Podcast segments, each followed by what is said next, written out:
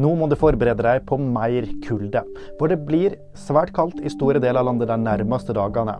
Forsikringsselskapene oppfordrer til å holde vannrør varme for å unngå vannskade. Natt til i dag var det 36 minus i Kautokeino. I Oslo kan det bli minus 25.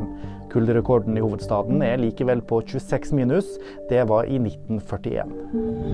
Drapssikta kvinne er nå internasjonalt etterlyst.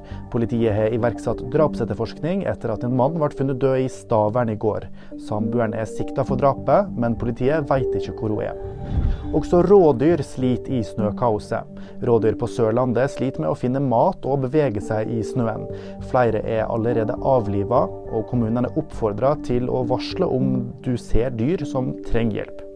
Båndtvang er innført i Arendal for å unngå at løse hunder kan angripe rådyra. Mer om dette og andre nyheter får du alltid på VG.